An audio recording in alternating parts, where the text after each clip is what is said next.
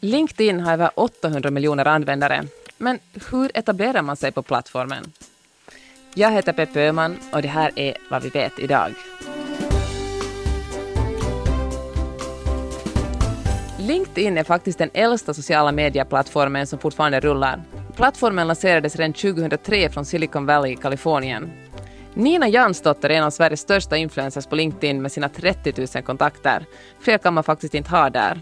Och hon liknar framgång där med dating. Det handlar om att se andra för att det ska bli intressant. Hade jag bara varit haft jag-perspektiv, ja, ja, ja, me, myself and I hela tiden. Alltså det är inte så intressant för andra att följa om man nu inte är en sån superintressant person som gör så spännande saker hela tiden och det är inte jag.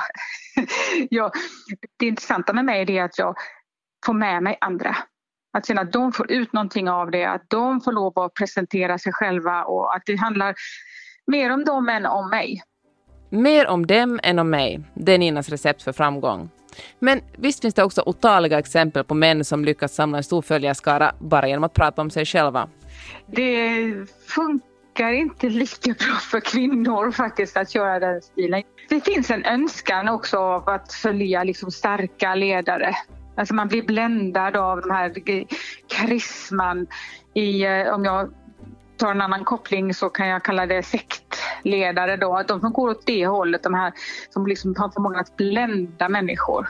Det finns någonting och det handlar ju också om att de tar väldigt stor plats och det kan finnas en stor önskan hos andra människor att eh, också ta större plats och då, då kan man ha den typen av, av förebilder då. Men sen händer det ju ibland att de förebilderna liksom rämnar, att de gör misstag och då blir det ju då blir folk lite skakade. Liksom, att oj, den här personen som jag har dyrkat eh, var en vanlig människa med fel och brister.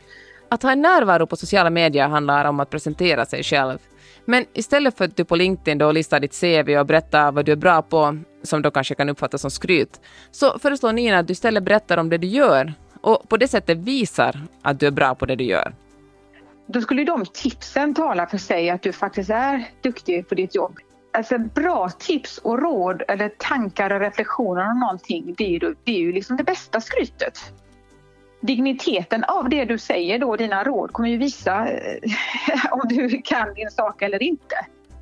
Sen är det ju väldigt subjektivt vem som är expert eller inte och en del för en del kommer tycka wow, han, han kan det här och andra kommer tycka nej men jag kan bättre.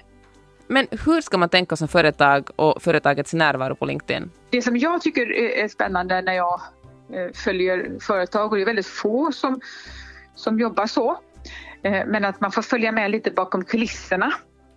Eh, så att det inte bara blir så här reklambroschyren som kommuniceras ut med alla fina käcka värdeord och det, det där värderingarna och så vidare. Utan att man visar då att man lever värderingarna genom eh, inte bara ord utan också visar handling. Och det kan vara att man också får följa med möta personer som jobbar på företaget, vem de är, vad de brinner för, att man lyfter fram människor som faktiskt jobbar där och vad de kan. Och, så det här personliga, att man, man är nyfiken på människor. Det är, det, vi, det är därför vi är i sociala medier. Vi är nyfikna på människor och vi vill spegla oss i andra, andra personer. Att bara få liksom det kommersiella, det tillrättalagda, det icke-autentiska. Det är inte så spännande. Så kan vi få se, vem är ledaren då för det här bolaget? Hur är han eller hon i, i vardagen? Kan vi få följa med lite dilemman, lite olika val? Kan vi ehm, få tycka till om saker så att vi blir inkluderade?